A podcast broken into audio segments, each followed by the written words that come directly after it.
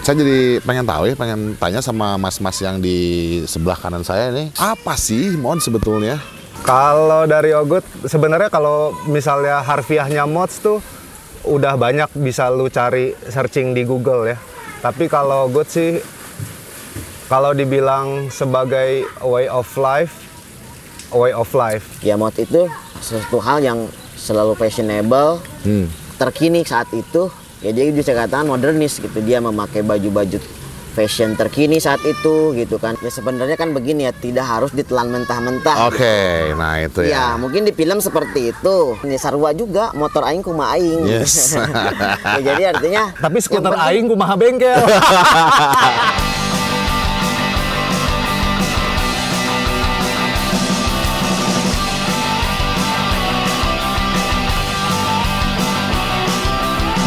Yes, saya Sian. Saya Yev, Son of Prune. Another untold story. Yeah.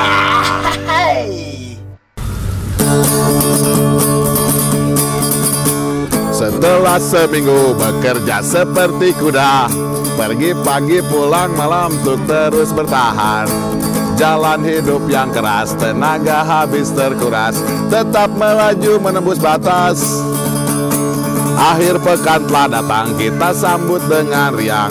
Lupakan sejenak beban di kepala. Jangan ragu dan bimbang cerita di masa depan. Jalani hidup dengan tenang. Siang telah berganti malam. Kita siap untuk berangkat.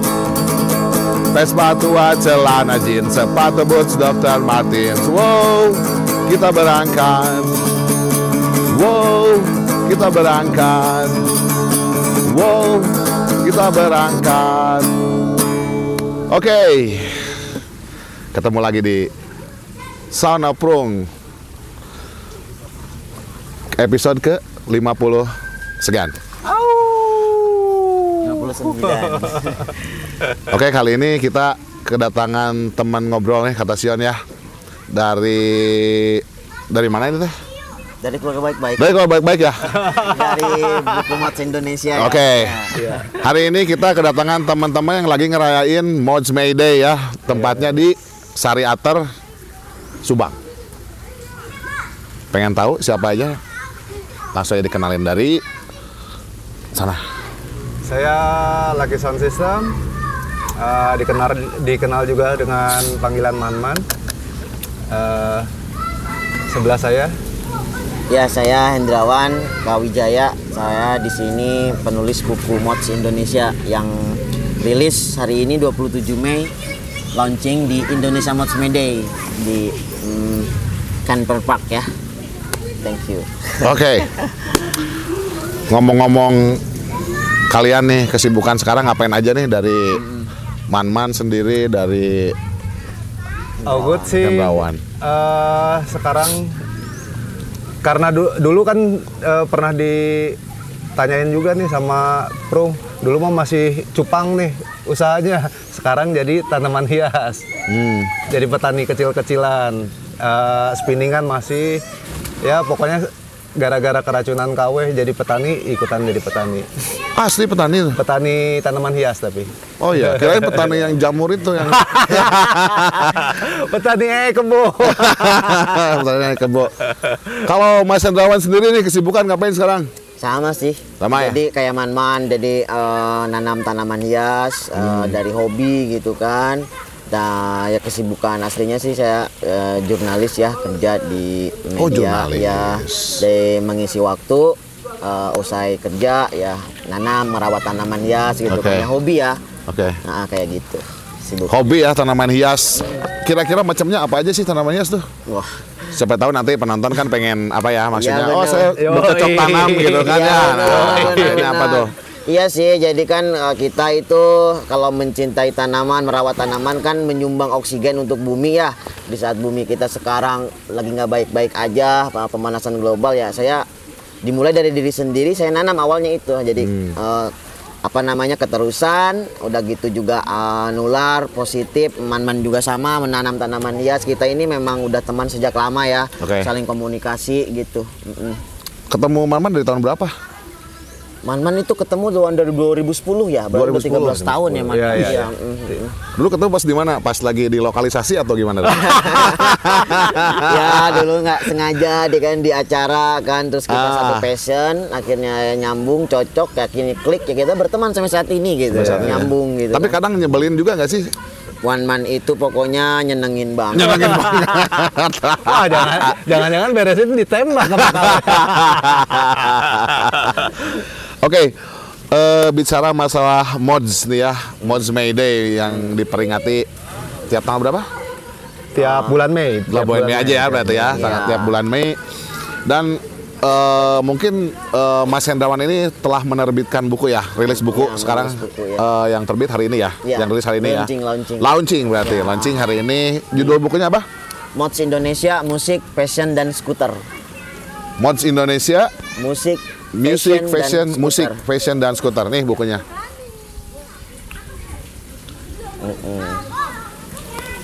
Oke, bicara masalah mods, ya. Iya.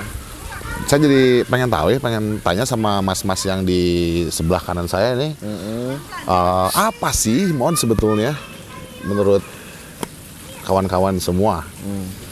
man Kalau dari Ogut sebenarnya kalau misalnya harfiahnya mods tuh udah banyak bisa lu cari searching di Google ya. Tapi kalau Ogut sih kalau dibilang sebagai way of life, way of life. Jadi eh Way of life dalam artian seperti apa? Coba tolong dijelaskan. ya udah menjadi darah daging lu bukan cuman sekedar da, ngelihat dari skuter lu bisa dibilang mods eh, dari musik lu dibilang mods nggak itu udah jadi satu kesatuan aja udah. Jadi eh, nggak bisa nggak bisa dipotong-potong nih. Lu cuman doyan skuter doang ya jalanin. Lu eh, cuman dari fashionnya lu jalanin gitu. Bahkan sampai musiknya musiknya ya udah pastilah. Orang pasti doyan musik karena musik belum tentu haram yang Oh, haram mah yang jelek Oh iya, iya, oke oke. Bener kan? Ah. Yang Itu musik yang haram kata siapa? dari saya Oh saya baru tahu kalau musik haram ya. kalau jelek Oh kalau jelek. Eh, Emang musik ada yang jelek gitu ya? mungkin dibawa dibawanya mungkin Oh iya. iya. Bukan dari musiknya doang ya, Ya. kalau mukanya jelek gimana itu Rolex resiko orang jelek Itu bawaan pabrik. bahan pabrik Dari Mas Hendrawan sendiri gimana sih? Apa itu sih mods? Oke, ya mods itu ya panjangan dari modernis dan juga ada yang bilang mods itu modern jazz gitu. Modern jazz ya. Ya, jadi mods itu pada awalnya uh, di Inggrisnya kan dia itu subkultur dari Inggris ya. Hmm. Ya, jadi pada awalnya mm, semua orang yang aku tanya ya, ya tidak ada yang tahu pasti ya kemunculannya di Inggris itu. Cuman ya bisa dikatakan tadi mod itu kepanjangan dari modernis Ya. dan ada yang bilang juga ya mm, dari musik modern jazz.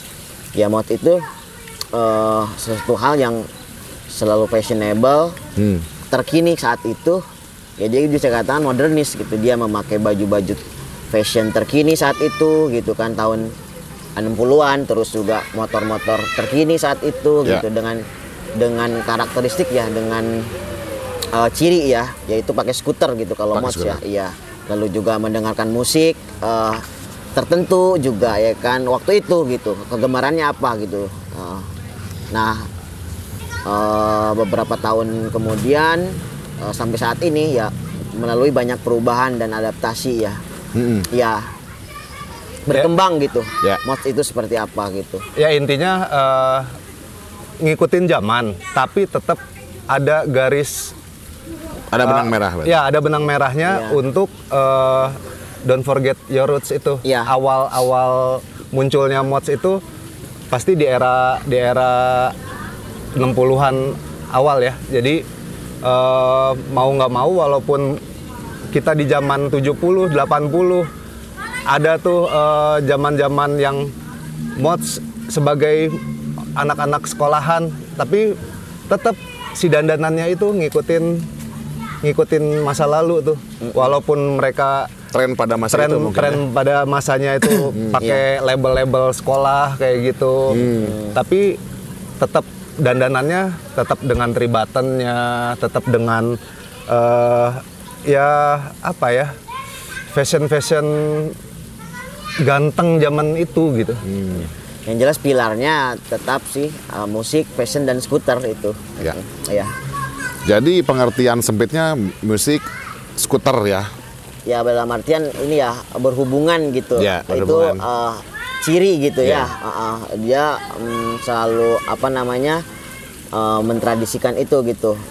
Mengeksisasikan itu gitu di jalan musik, fashion dan skuter gitu. Identitas ya Secara berarti ya? ya, Identitas, ya. identitas lah gitu ya. Ya, mungkin saya eh, sering ngobrol juga sama teman, oh dia anak mods karena pakai skuter, kan, pakai Vespa gitu kan. Ya, mungkin itu pengertian sempitnya mungkin ya, seperti ya, itu. belum luas gitu belum mungkin luas ya, detailnya belum kayaknya Iya. seperti itu. Nah bicara apa ya, maksudnya budaya mod sendiri ya waktu itu kan eh, ini kan tahun 60-an ya, Iya, sementara eh, kita hidup di zaman zaman apa ki sekarang ki? Milenium ya? Se- Millennium. Sekarang udah iya udah di X ya. Ya. Udah di X. Awal nih ketertarikan teman-teman nih Gen X. terhadap budaya eh, mods culture ini awalnya seperti apa sih bisa tertarik? Oh ini cocok nih buat gaya hidup Iya. gitu seperti apa sih Ya. awalnya? Kalau saya sih sebenarnya sebelum mengenal mod ya suka dulu uh, retro ya. Ya. Ya kayak musik-musik lama gitu, mungkin The Beatles gitu ya. Hmm. Nah, awalnya suka-suka gitu terus kalau terus selama-lama melihat ternyata The Beatles ada band-band lain, misalkan Hmm. The Who, di ini ternyata The Who itu disukai anak mod. Ya, kan jadi gitu kan jadi tahu akhirnya kan jadi apa sih mod jadinya gitu kan jadinya Ya. searching akhirnya ditertarik ih menarik ya gitu kehidupannya pakai motor skuter gitu kan terus pakaiannya begini dan dan, su- dan suka gitu kan Ya. jadi pengen pengen seperti itu gitu kan Nah, sementara kalau saya kan penyuka penyuka subculture aja ya gaya-gaya fashion gitu kan Betul. Heeh, gitu kan suka aja gitu heeh. Awalnya dari musik berarti ya? ya dari Awalnya. dari dari musik ya band kan Hmm. akhirnya menggeluti tahu gitu kan akhirnya ada ada mods gitu kan Ya. ada subculture mod gitu kan dengerin musik kayak gini gitu kan Hmm. ya akhirnya kan jadi pengen tahu lebih banyak baca lagi oh ya kayak gini gini gini hingga akhirnya kan ketemulah dengan anak mods gitu kan kenalan gitu kan jadi temen gitu Ya. kan akhirnya banyak tahu dari mereka gitu kan Mm-mm. Kalau dari Kalau gue awalnya malah dulu tuh da, eh, 2003 datang ke Bandung udah pakai Vespa tuh.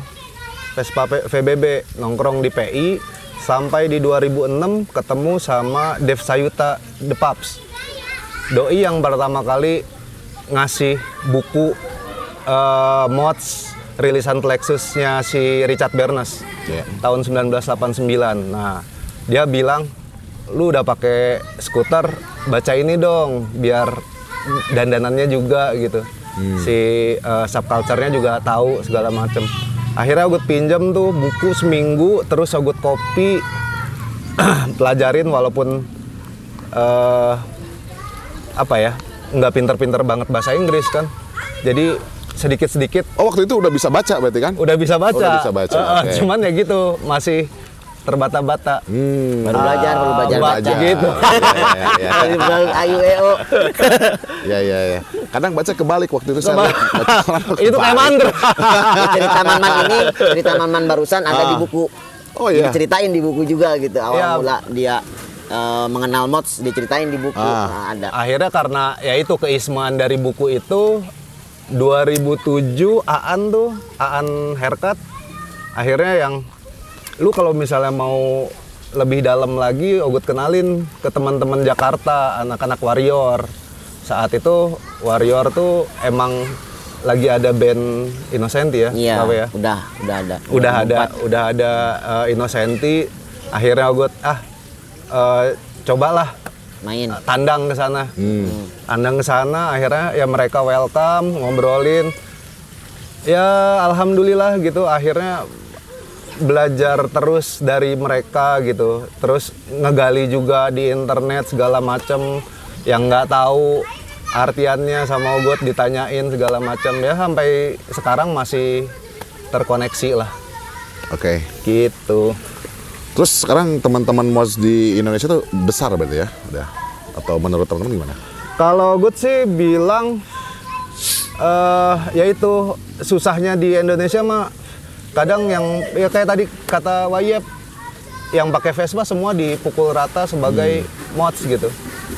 Kalau kalau gue sih bahkan eh, sekarang jadi ngelihat ya pasti bakal ngesortir ya Ya. mana yang eh, benar pure remotes dan eh, mana yang skuteris gitu. Oke. Karena Wayep Kelihatan juga ya? pakai Vespa kan, Iya. tapi Wayep Ogut kenal sebagai oi oi. Sempet sih dulu. Mau. Sempet, eh, udah, udah. Udah ya, udah. Berarti rambut udah mulai poni. Poni dong dulu. Pernah poni. Iya, dulu poni. Adalah foto-foto dulu zaman Parka parka piyama nggak yang panjang banget? nggak panjang banget sih. Parka apa ya baju nikahan itu ya sampai ke belakang. Gaun cewek itu. gaun, parka gaun. Oke, eh, ada pertanyaan titipan nih mungkin ya, eh, apakah si eh, teman-teman subculture dari Mods itu harus eh, apa ya berhubungan dengan eh, era 60-an atau dengan selalu harus dengan skuter atau Ya. gimana sih? Jadi gini, ya mods itu way of life ya, Mm, jalan hidup ya. Sebenarnya kalau eh, suka dengan musiknya ya silakan gitu, nggak nggak harus juga dengan skuternya gitu. Ma suka skuternya, misalkan nggak musiknya gitu kan, ya silahkan gitu. Cuman ya sebenarnya kan kalau mods itu dari tahun ke tahun itu anak-anak mod menganut mods di negara asalnya itu eh, beradaptasi lagi, menyesuaikan lagi musik yang hit saat itu gitu kan. Ya. Di tahun 60-an ya mods di Inggris dengerinnya soul, northern soul, apa dengerinnya modern jazz, R&B gitu, Jamaican ska gitu kan. Ya. Tapi di tahun 80-an di era kebangkitannya lagi kan mods pernah Hiatus uh, ya? mati suri ya, uh, per- pernah ditinggalkan gitu di di akhir tahun 6, 60 tuh ya. Itu kenapa tuh ditinggalin? Ya karena mungkin sudah tidak cocok lagi ya. Tidak relate mungkin Ya? Karena ada lagi muncul subculture lain gitu Oke, kan. oke. Ada skinhead gitu kan. Transisi berarti ya Hmm, transisi berubah gitu. Tapi nanti hidup lagi tuh. Hmm. Ya di tahun eh, 79 lah ya. Eh, ditandai dengan film Quadropenia muncul tuh. Ini lagi orang mengingatkan lagi gairah mods itu ini lagi mm, naik lagi gitu anak-anak muda itu. Nah pemantik akhirnya itu ya The Jam muncul Ya. ya dengan tampilan modsnya dia bawain punk rock kan. Ya. Nah, akhirnya kan mods di situ berubah lagi dia dengerin punk dengan dengerin punk rock ya. Ya. Ada distorsi lah, ada distorsi. Ya, lalu juga di saat itu juga di 80-an awal muncul juga kan the Beat- apa namanya The Special band Two Tone Ska gitu. Ya. Era ska gelombang kedua. Nah, itu dengerin juga gitu. Ya lalu di tahun 90-an banyak band juga yang terpengaruh dengan gelombang mods gitu. Seperti Oasis gitu kan mereka mengaku ya terpengaruh dengan gaya mods gitu. Ya, jadi artinya menyesuaikan sih sebenarnya. Teman mereka tahu kalau aslinya mod tahun 60 tuh begini, fashionnya begini, tahun eh, 80 begini. Ya sebenarnya berubah berubah ya. Eh, ciri khasnya gitu ya. Eh, eh, dari mungkin dari skuternya eh, dari yang skuternya kan Lambretta Vespa ya pakai itu ya. Ya. Nah, sebenarnya ya begitu.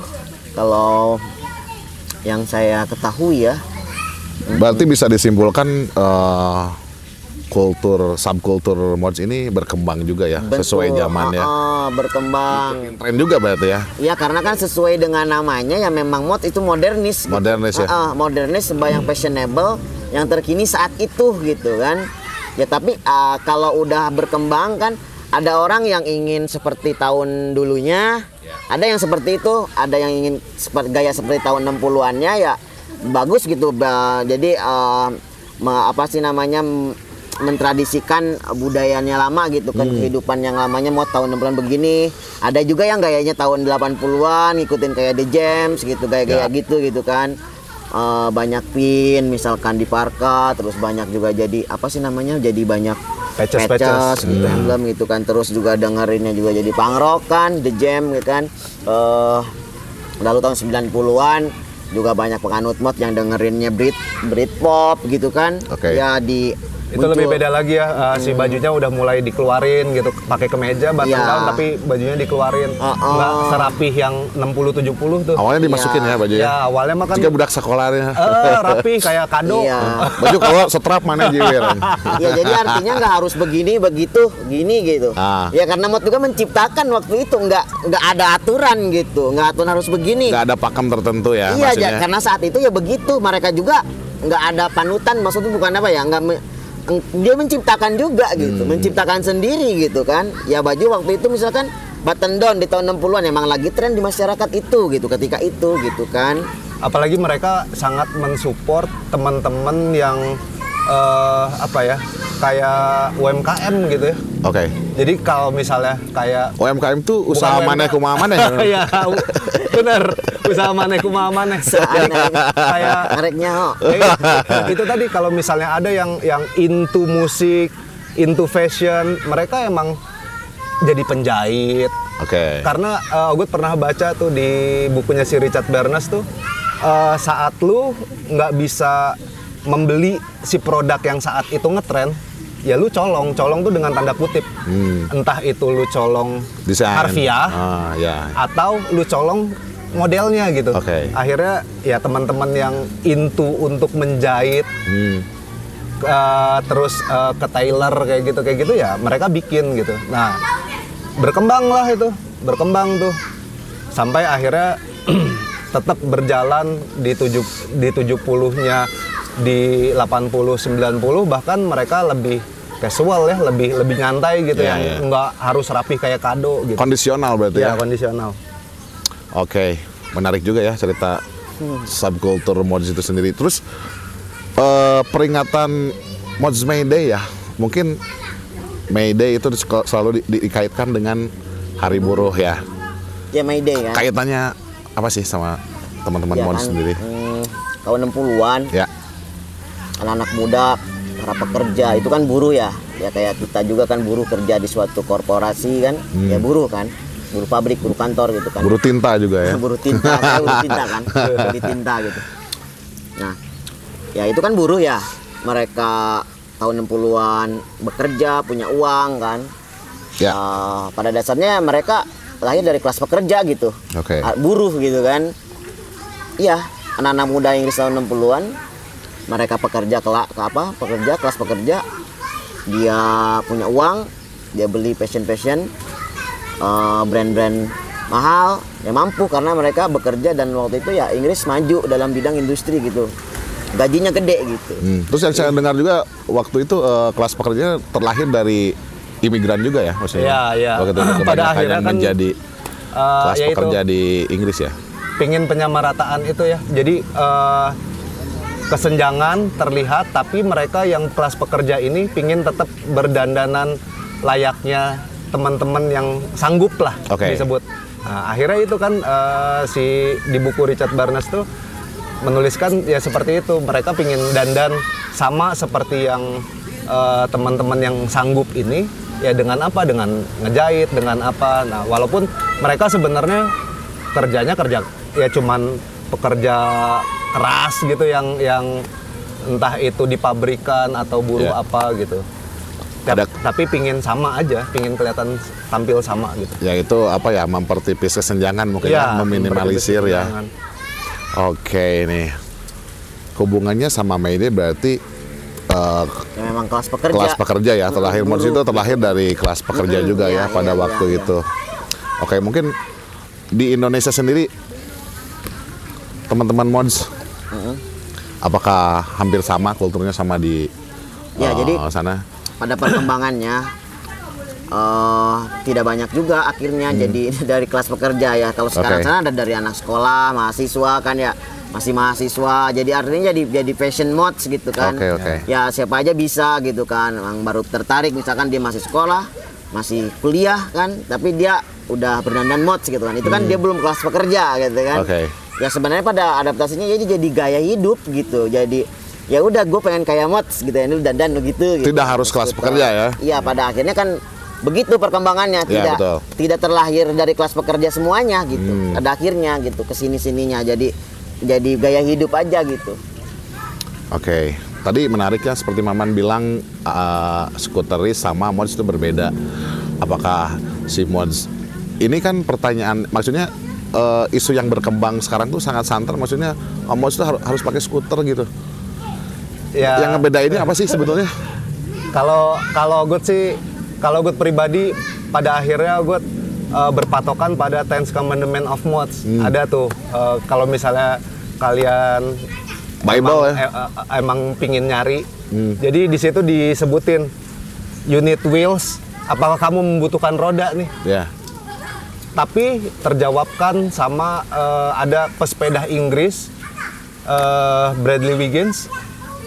Dia itu udah sampai disponsorin sama Fred Perry eh, dapat eh, SX 200 tapi sama dia cuman dibilang eh kayaknya saya cuman butuh sepeda karena biar rakyat di Inggris ngelihat saya walaupun di atas sepeda saya tetap mods.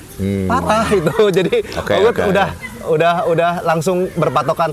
Oh iya, nggak harus gitu. Nggak harus ya. Iya.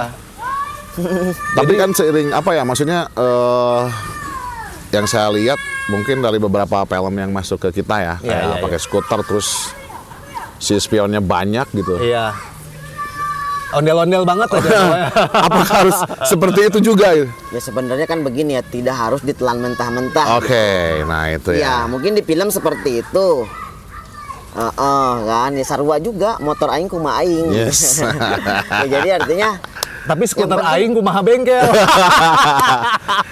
motor aing kumaha aing lamun cek bengkel lah, motor aing kumaha aing, motor bat maneh kumaha aing. Itu cek bengkel. Cek montir eta. Ah, benar, Montir. benar. Ya jadi artinya ya sebenarnya boleh-boleh aja kayak gimana aja gitu mau rapihan mau gaya kayak seperti keluaran dari pabrik Hmm. polosan gitu mau lu pakein aksesoris ya terserah gitu kan. Mm-mm. cuman ada istilahnya mm, anutan gitu acuan gitu. Ya, ya, bahwa mod zaman itu kalau dilihat ada spion banyak ada lampu banyak ada yang mengikuti ya silakan gitu Hmm. kan. Pengen sama seperti mod tahun 60-an gayanya gimana sih motornya gitu. Tahun 80-an gimana sih? Termasuk fashionnya silakan gitu kan. Ya kayak gitu mungkin Ya. jadi kayak semacam mengikuti gitu ya melihat kan. Meniru jadinya kan Oke. semua gitu kan. Cuman pada akhirnya kan disesuaikan juga dengan selera kita ya kalau Hmm. nggak suka kayak gitu ya jangan terus saya gitu karena nggak ada harus kayak gitu Nggak harus diponi juga gitu rambut kan. ya yang penting ya mungkin jadi rapi aja sih rapi, eh, terus juga ya fashionable lah ya Oke. eh, ke situ sih Oke. Selain fashion, musik, terus eh, apa lagi ya? Skuter ya. Terus em, mungkin ada yang menarik tuh ada logo Target ya. Biasanya iya. model itu identik ya, identik dengan Iya. logo Target. Itu, itu maksudnya apa sih? Ya, logo Target itu sebenarnya British Air Force ya, logo angkatan udara Inggris ya. Hmm. Logo Target itu. Pada tahun hmm, Perang Dunia Kedua lah, setelah Perang Dunia Kedua atau Perang Oke. Dunia Kedua Inggris kan memakai di logo pesawatnya ada itu ya. Hmm. Angkatan perangnya juga ada logo, ada logo Target itu. Yaitu s- memakai logo itu sebagai rasa nasionalisme ya. Ah, rasa cinta negara mungkin gitu kan Hmm. ya. Terus menghormati para pejuang perang gitu kan ya. Nah, mungkin mereka begitu Jadi dipasang gitu dan Mas juga se- seorang nasionalis juga, nggak juga? ya Kalau pakai logo Target. sekarang kan itu jadi fashion ya. Ya, ya fashion ketika ya. itu, ketika Pada itu, waktu itu pada ya. waktu itu, uh, itu bagian dari nasionalisme anak-anak Inggris gitu kan. Hmm. Ah, Anak-anak dari smart Inggris gitu pakai itu dan juga dipopulerkan oleh band The Who ya. Di kaosnya ada more target juga gitu kan. Jadi sebenarnya kalau misalnya gue eh, beberapa banyak baca, jadi banyak adopsi dari nggak cuman eh, apa logo target dari pesawat ya angkatan ya. udara itu, karena kayak gaya dandanan juga itu mengadopsi dari beberapa negara kayak potongan rambut tuh ada Italian look, terus kayak eh, jasnya French look kayak gitu-gitu. Jadi kenapa pakai tribatan terus kancing paling bawah dibuka itu ngikutin dari French look. Terus eh, potongan eh, pendek tapi ada belahan dikit tapi poni gitu. Itu dari Italian look yang gitu-gitu deh. Jadi sebenarnya kalau mods itu cenderung mengadopsi banyak dari negara-negara luar juga gitu. Iya masalah rambut kayak Paul Weller juga ya, Iya. kayak poni tapi belah dua seitik gitu kan, ada gordengnya. Ada hordengnya. Seperti itu cuy. Oke, selain mengadopsi dari angkatan udara cuman eh, itu doang ya berarti logo target ya, nggak ada Ya, yang logo- lain kan? Logo target Mungkin logo angkatan udara Inggris. mungkin pengertiannya bisa berkembang juga mungkin ya, Dan seperti kan- Maman yang bilang, menganut mod di seluruh dunia kita kan menggunakan juga gitu kan. menggunakan semua jadi ya. gaya hidup jadi kita Menjadi identitas ya. gaya hidup amot Inggris gitu kan Hmm. diikutin oleh penganut eh, setelah-setelahnya kan dulu pakai itu ya udah jadi pakai juga Iya. gitu kan Nah ini sekedar ini informasi pentingnya buat teman-teman karena saya pernah ketemu juga sama teman yang pakai logo Target. Pas saya tanya ini logo Target apa maksudnya? Aduh, belah bro. Jadi ini informasi yang sangat penting ya buat teman-teman eh, terutama yang into di scene mods subculture. Ya betul nggak? Mungkin kalau misalnya pakai logo ormas serem. Wah. Kata siapa? Nah ini ormasnya ngobrol nih langsung. yang serem tuh pakai logo itu. Oke deh. Eh, menarik juga ya obrolan ini. Terus eh, saya pengen tahu juga nih, mungkin teman-teman tahu ya awal mula si mod subculture masuk ke Indonesia mungkin awalnya. ya subculture mods masuk ke Indonesia didahului ya didahului oleh eh, subculture setelah mod itu skinhead. Jadi yang masuk duluan ke Indonesia itu skinhead ya, Ya. subculture skinhead. Skinhead itu eh, tercipta ya. ya lahir dari mods. Transformasi kan? Jadi Oke. skinhead gitu. Hard mod ya skinhead itu nama lain ya awalnya. Hard mod kan? Jadi dia skinhead gitu. Nah di Indonesia masuk tuh skinhead dan punya Bible ya karya George Marshall itu Spirit of 69 Oke. Nah anak-anak skinhead ini kan baca kan sejarahnya mereka kan. Hmm. asal usul mereka lah. Di situ di buku itu di, ditulis ada mods gitu kan. Diceritain lah asal usul skinhead dari mods. Nah kan anak-anak kan jadi penasaran kan apa nih mods ya gitu kan. Ya. nah jadi akhirnya tahu kan lalu adalah yang jadi mods gitu. Karena tahu tadi tuh akhirnya kan semakin merebaknya internet mudah informasi eh, di negara lain ada mods ya udah. Di Indonesia juga jadi muncul tuh yang tadinya anak pang jadi mod yang tadinya skinhead jadi mods gitu. Balik lagi berarti ya dari skinhead ke Nah, mods gitu ya. di Indonesia kebalikannya. Skinhead Wah. duluan yang lahir baru ada mods gitu. Nah gitu. Lalu berkembang lah sampai saat ini. Oke, kalau basis terbesar nih kira-kira di Indonesia di mana sih anak-anak mods? dua kota ya terbesar Dua kota. itu bisa dibilang mm, sama aja sih dua kota ini besarnya Jakarta dan Bandung Jakarta Ya, dan Bandung. Dulu mungkin skupnya kecil ya Jakarta Bandung hanya beberapa gelintir orang, ya kemudian berkembang juga Jakarta Bandung dan kota-kota lainnya mungkin ya. Ya, Nah itu bisa berkembang pesatnya itu sebenarnya pengaruh dari acara Mayday, Mods Mayday. Oke, Jadi, tahunan ya? Ya, karena tahunan itu akhirnya diketahui masyarakat, anak-anak muda jadi penasaran. Akhirnya jadi pada pengen tahu kan, jadi mengikuti yaitu event Mods Mayday ini yang berpengaruh menjadi subkultur ini dikenal luas ya di Indonesia ya. Oke. Mm. Biasanya kalau mods ini ngapain aja sih kalian tuh? Kalau Mods Mayday biasanya ritualnya ya, Hmm. skuter reading ya man ya. Terus man-man juga mengisi musik biasanya DJ gitu. Oke. Jadi tersampaikan gitu musik-musik yang didengarkan mau tahun 60-an. Man-man sebagai DJ punya kolektor, punya koleksi ya. Ya, punya punya koleksi musik-musik tahun 60-an. Nah, man-man main tuh di pas di acara Mayday, Mods Mayday itu. Jadi menyampaikan nih, ini musik yang didengerin mau tahun 60-an gitu kan. Jadi menyampaikan ke awam gitu, oh gini gitu kan. Lalu juga hmm, ada fashion show biasanya terus juga ada nanti suka ada best dress, best scooter ya biasanya di acara Mods Mayday itu. Ada apa lagi man biasanya?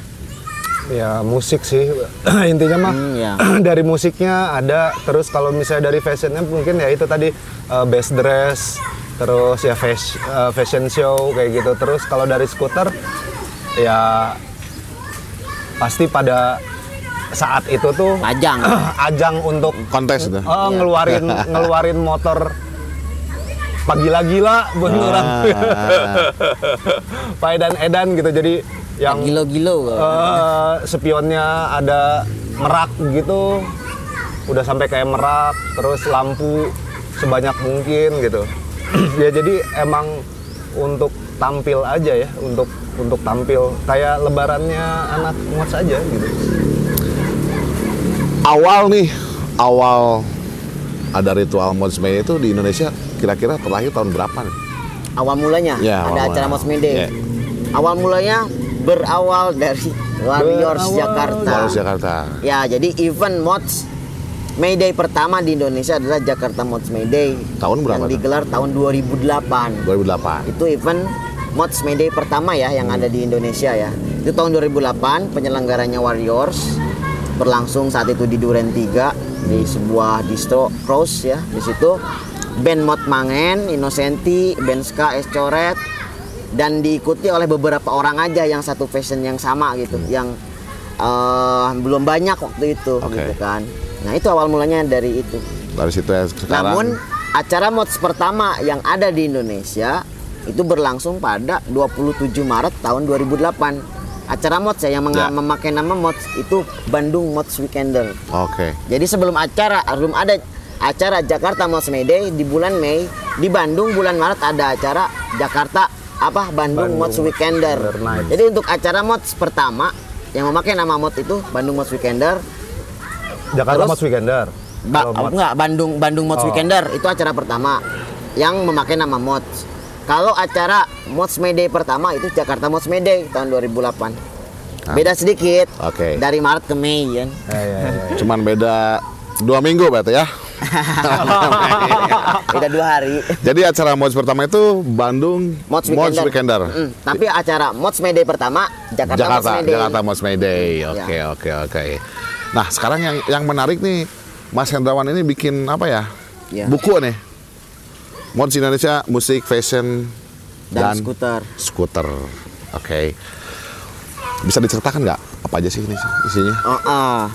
Ya jadi di buku ini eh saya merangkum awal mula mods masuk ke Indonesia, terus sebagai pijakannya sejarah mods, Hmm. lahirnya di Inggris seperti apa, lalu berkembang di Indonesia sampai saat ini kayak gimana gitu perkembangannya, lalu ada apa aja, lalu apa saja yang dilakukan oleh anak-anak mods. Hmm. Saya tulis di sini seperti itu gitu. Terus ini ya. Mm. Di buku mod di buku ini yang ya rilis hari ini, launching hari ini di Jadi rangkuman dari awal Ya, mengenal mods gitu Ya. kan, sejarah mods dari luar negeri juga Ah, dari pijakan. Wah, pijakannya dirangkum dalam buku ini. Lalu eh, perkembangannya di Indonesia seperti Perkembangan apa, Indonesia, oke. awal mula masuknya, lalu penganutnya di Indonesia seperti apa karakteristik modsnya, lalu ada apa aja lah eh, tentang eh, anak-anak mod di Indonesia ya di buku ini di, di- dijelasin gitu. Oke.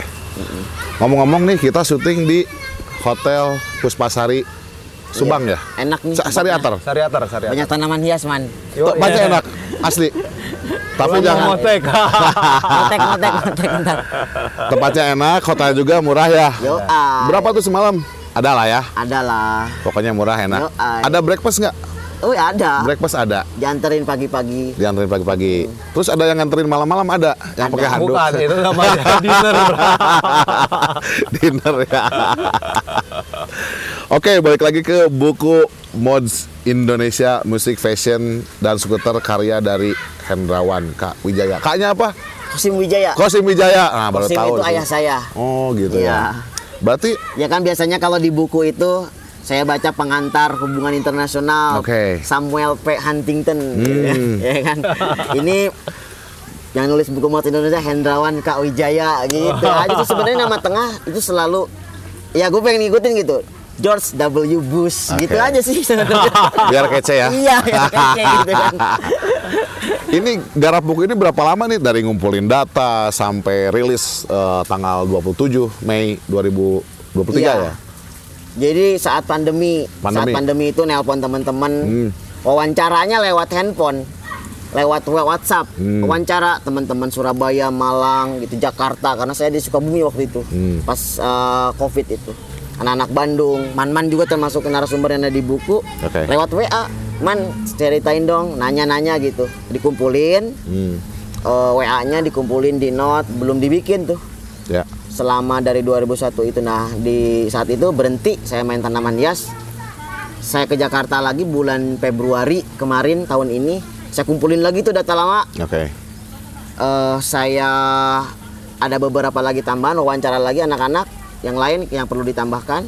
Ngumpulin ya foto-foto eh, kumpulin foto-foto. Yaitu dari penulisan diolah ya sekitar dua bulan ya. Dua bulan. Ah, selesai. Jadi karena saya ingin launching di acara Indonesia Mosbed dan ini mepet sebenarnya. Oke. serba mepet. Dan akhirnya alhamdulillah ya selesai juga gitu. Jadi juga launching di bulan ini gitu. Kalau nggak mungkin kalau nggak ada pengen mungkin akan santai nggak kelar nggak akan kelar gitu. Karena ada motivasi aja wah harus launching nih di Indonesia Mosbed akhirnya kelar. Dan alhamdulillah cukup lah datanya gitu.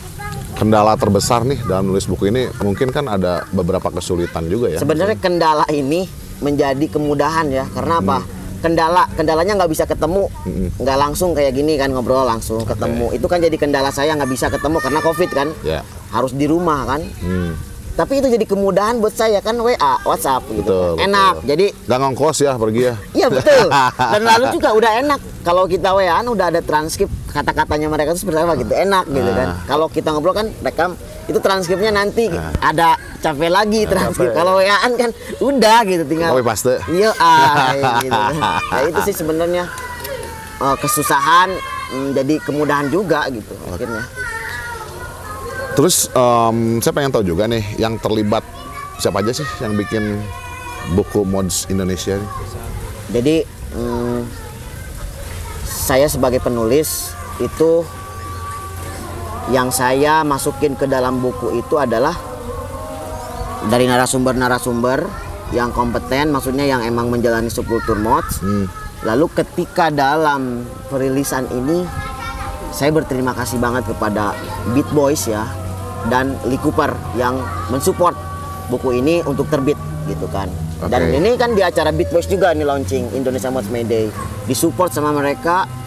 Artinya mereka terlibat lah dalam pembuatan buku ini makanya saya berterima kasih banget kepada Beat Boys ya. Atur nuhun pisan ya. Anupis gitu. Iya. Oh iya lupa. Kenapa sih pengen bikin buku tentang oh, iya, iya, iya. Ya, Awalnya gimana sih? Ya, karena eh, selain sebagai portofolio saya sebagai seorang jurnalis, karya ini itu saya ingin dedikasikan kepada para pegiat subkultur mod di Indonesia yang selama ini eh, belum ada literatur yang membahas perkembangan dan sejarah mods di Indonesia gitu. Oke. Nah, atas ketertarikan itu, atas dasar itu saya pengen bikin buku tentang mods gitu. Karena sebelum-sebelumnya belum ada gitu yang membukukan. Hmm. Kalau untuk tugas akhir dan skripsi udah banyak ya. Ya. Mungkin nyaman ya. Ya, ya. Udah banyak ya. Cuman untuk diterbitkan secara massal belum ada ya sebelumnya gitu. Nah, karena kebetulan sebelum penulisan buku ini itu sudah ada mm, tulisan saya untuk media Spanyol, subculture Spanyol, media subculture lah ya ada pang, ada skinhead, ada mod di situ. Saya diminta untuk menulis saat itu di situ menceritakan mods Indonesia. Nah saya menulis tuh mod Jakarta waktu itu. Saya kirim ke sana bahasa Indonesia. Udah jadi bahasa Spanyol sekarang itu tulisannya di sana. Nah setelah saya dikirimin linknya naik itu artikel Ya. saya jadi kepikiran oh, saya pengennya kalau bikin buku dikembangin lagi berelaborasi lagi lebih jauh kayaknya bagus nih bikin buku gitu nah itulah awal mulanya sih Awal mulanya. Kalau dari Mas Manman tuh ada Ya, kepikiran bikin buku nggak? Eh, jadi sebenarnya dari beberapa temen tuh di Jakarta Bandung udah pernah sempat kepikiran ya Eh, kayak di Jakarta tuh Panas sih. eh, Do- Doli dari skripsinya tadinya mau dibikin juga jadi buku ya, ya. tapi ya karena kesibukan. Terus eh, di Bandung juga tadinya mau nulis, cuman ya lagi-lagi apa ya kalah sama niat kuat kadaik Kalah sama kehidupannya. asli. iya Tanggapan Mas Manman sendiri terhadap Mas Hendra gimana sih, Mas Hendrawan? Ah. mengenai buku ini nih. Jadi jadi KW ya, eh, dia tuh nggak cuman sebagai penulis doang Oke. karena dia juga ada di dalam si culture ini. Jadi dia tahu seluk beluk terus kekurangan kelebihan karena gini ya kalau misalnya kelebihan teh pasti bakal diterima aja gitu. Tapi kekurangannya kan harus tahu juga gitu. Nah, KW teh nggak nggak sedikit pun mengurang atau menambahkan. Jadi emang bener-bener netral dalam penulisan ini gitu. Ya, ya, ya. Gitu. Jadi kalau misalnya buat teman-teman eh yang apalagi yang paling utama tuh orang Indonesia itu males baca ya. Ini di buku ini KW itu bikin sesuatu yang menarik karena banyak foto-foto yang bisa lu lihat dari ujung Inggris sampai Indonesia yang bagian Sampai mana pun. ujung berung. Ya, sampai ujung berung. Itu ada gitu. Jadi ya sangat rugi kalau misalnya kalian nggak nyimpen buku ini sih. Kalau menurut Ogut. Nah, betul. Kalian harus punya buku ini ya. Setelah ini tayang, nanti Sonoprung tayang, kalian harus beli buku ini. Dijamin seru, bro. Asli, bener kan? Yo, ay. iya. Kemasannya juga bagus ya. Em, Hardcover, colorful ya. Full color juga ya. Full color juga. Dalamnya tuh. Enak kertasnya. Jadi nggak nggak sembarang orang nyobek bi- bisa dibikin bungkus gorengan, enggak. Ini. Sayang banget gitu kan. Nah ini siapa nih Richard Evans nih Oh iya. Dia teman saya. temannya? Mm, kenal di eh, Facebook. Oke. Dan dia kebetulan juga mm, tinggal di Bali ya. Oh iya. Ah, tinggal di Bali. Saya juga pernah ketemu di Bali waktu itu di Sanur Hmm. ngobrol tentang mods gitu. Dan dia mods di Inggrisnya dulu itu. Dulu. Ya, makanya ada foto-fotonya dia waktu muda tuh mods karena itu dia. Yang ini ya? Yang mana? ya. dia waktu muda itu. Yang ini bro. Nah, Richard Evans ini mm, pas saya ngobrol dia mau eh, membuat siapa, kata sambutan bukan? ya. ya, itu dia di sini membuat eh, bikin kata sambutan di situ. Oke, iya ya. Ya, Richard Evans itu. Dia orang Inggris Ya, ya. dia menceritakan bagaimana dia jadi mods, bagaimana kehidupan mods di eranya dia tahun Hmm. 80-an.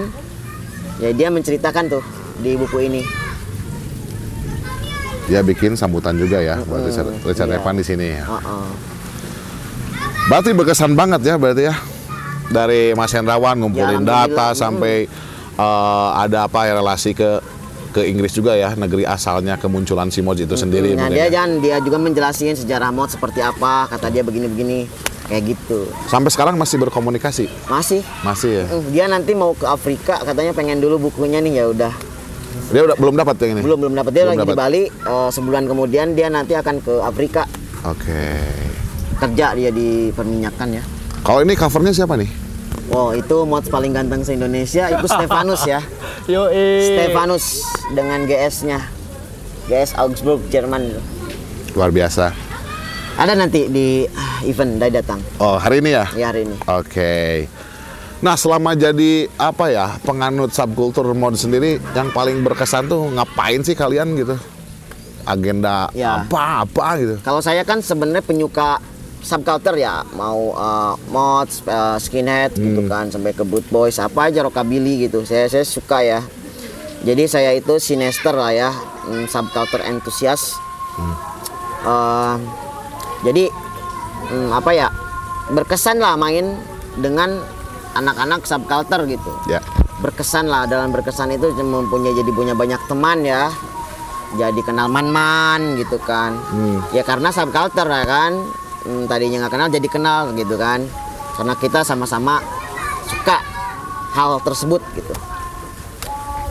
Oke. itu nggak man Yo kesannya maman gimana dong kalau man-man ya itu sih kalau di subculture itu mungkin jadi keluarga kedua ya. Keluar kedua. jadi keluarga kedua saat lu mungkin nggak bisa eh, apa ngelampiasin di rumah mungkin sama teman-teman lain bisa menyampaikan sesuatu gitu. Jadi ya kalau gue sih bilang eh subculture ini ya keluarga kedua dari Ogut gitu.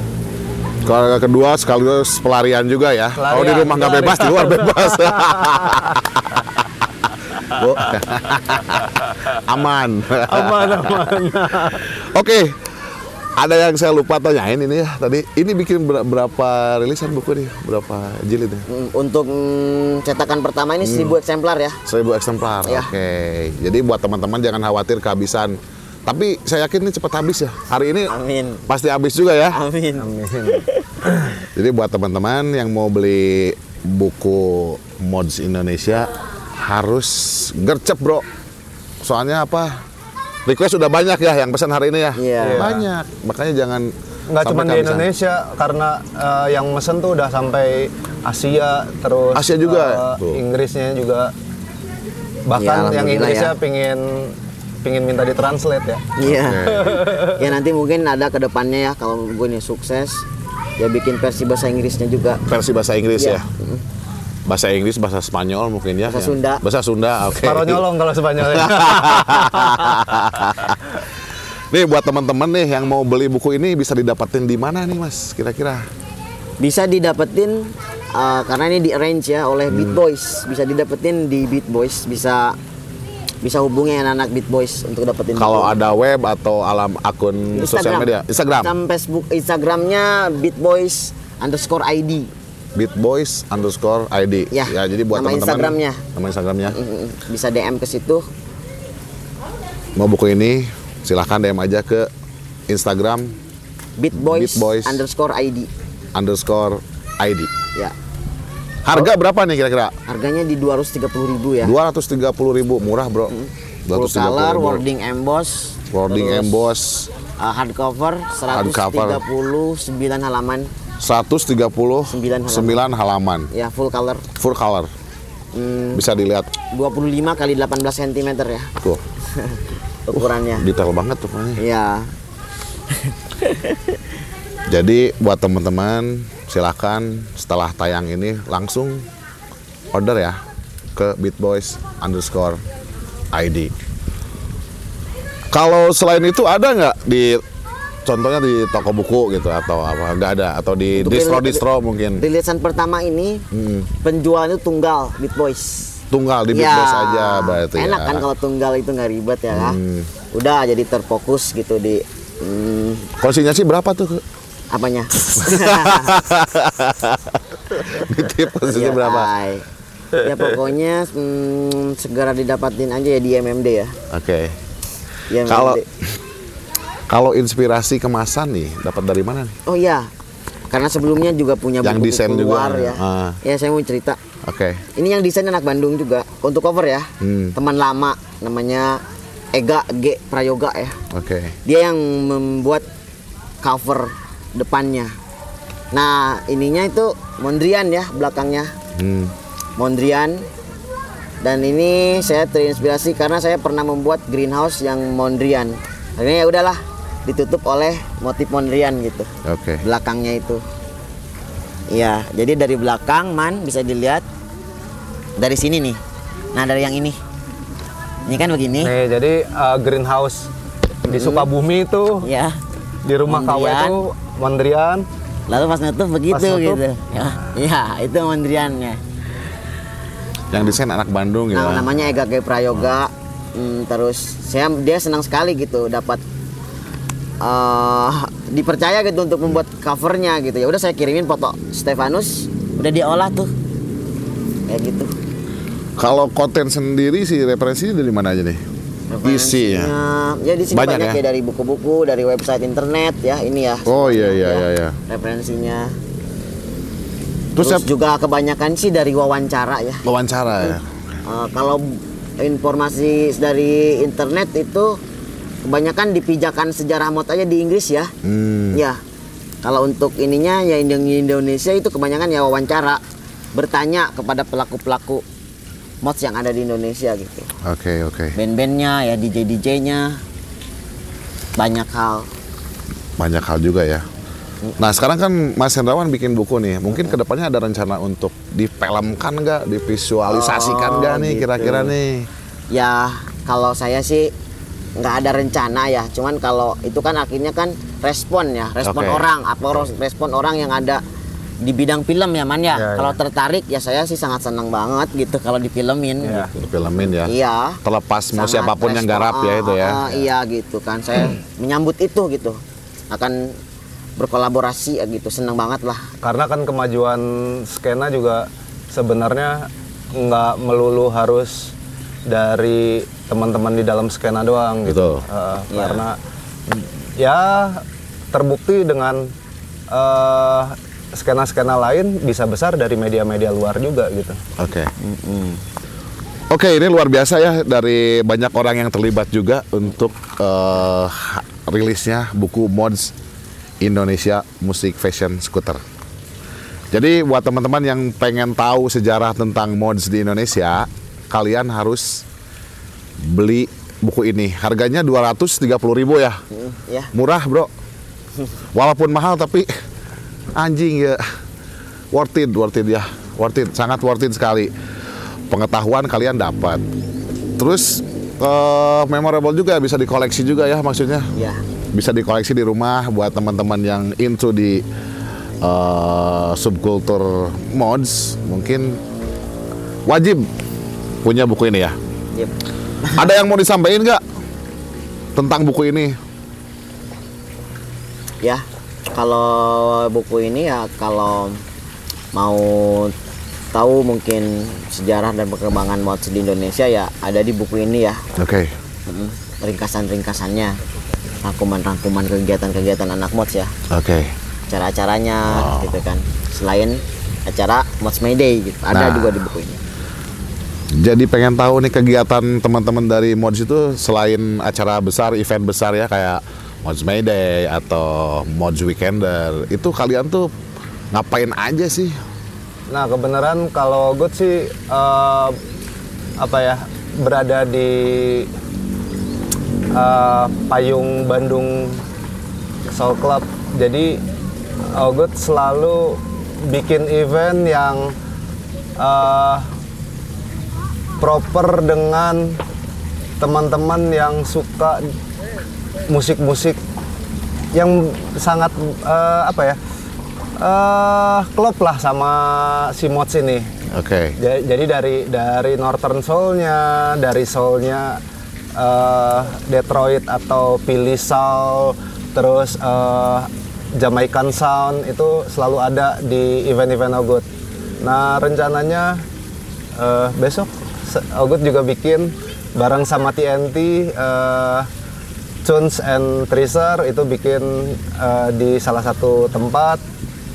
Nah, eh, nanti beberapa minggu lagi ada dari teman-teman Bandung Reggae Boys bikin juga, yaitu jadi nggak serta merta untuk event besar doang. Jadi teman-teman lain tuh juga dari bermacam bendera pasti mereka bikin gitu. Oke. Ya.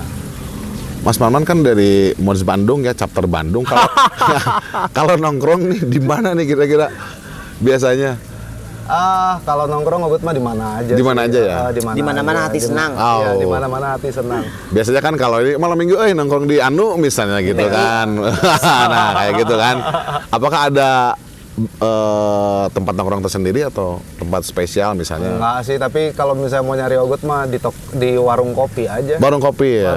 Warung kopi. mana kalau boleh tahu? Di BIP man. Itu dulu ya, tolongan dulu ya. Iya. Pedang singa masih ada nggak?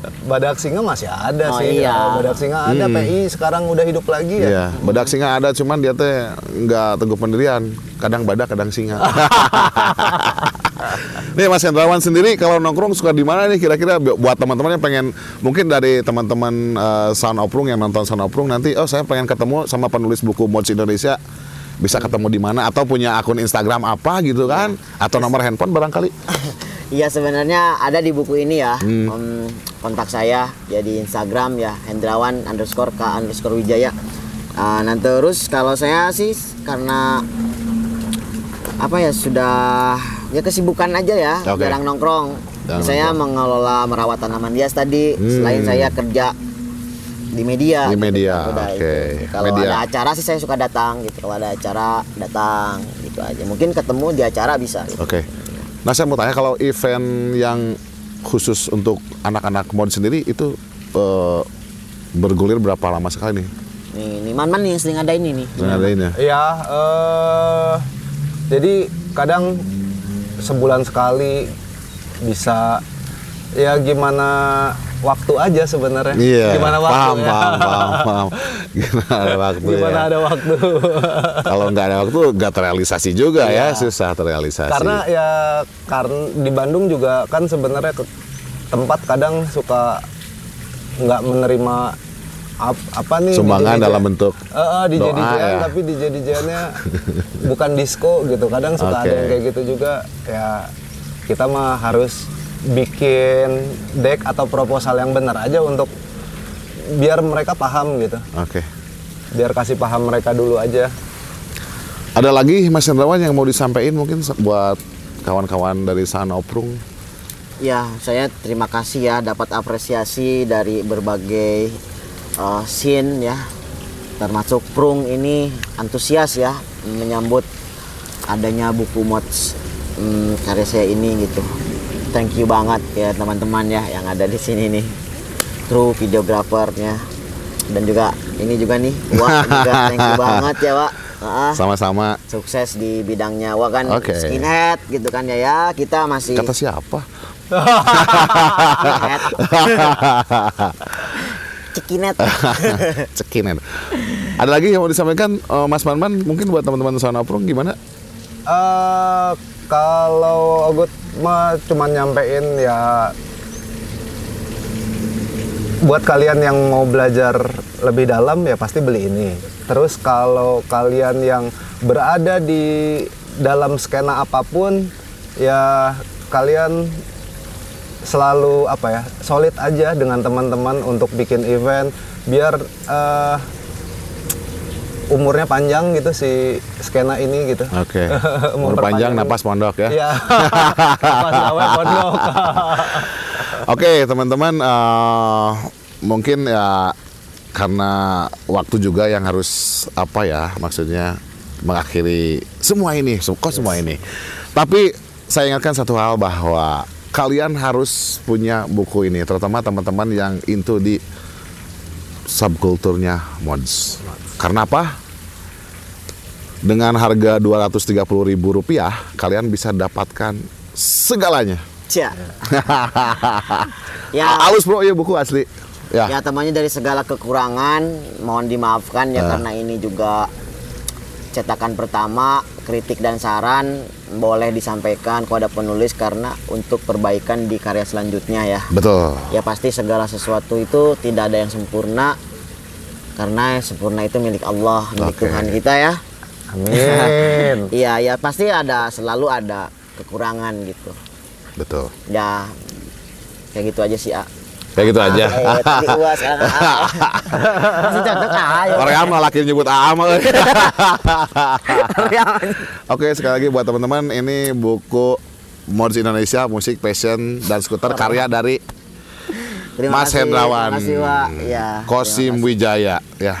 Iya. luar biasa saya baru lihat kemasannya anjing halus ya eh, asli terima kasih ya bukunya. terima kasih udah datang ke sini Mas Siap. Marman juga semoga kita Mungkin dipertemukan kembali ya Amin, amin. Wayep yang bikin buku skinhead Bandung. Bandung. Nah, nanti suruh itu aja rekan yang bikin. Oke, em, terima kasih buat Mas Hendrawan, buat Mas Manman juga yang telah hadir di Sound of Prung. Dan terima kasih juga buat Hotel Puspasari ya yang telah memberikan waktu dan tempat buat eh, tim kita untuk melakukan syuting hari ini. Dan selamat juga buat Mas Hendrawan atas rilisnya buku Mods Indonesia ya. Semoga bukunya laris di Amin. pasaran habis ya.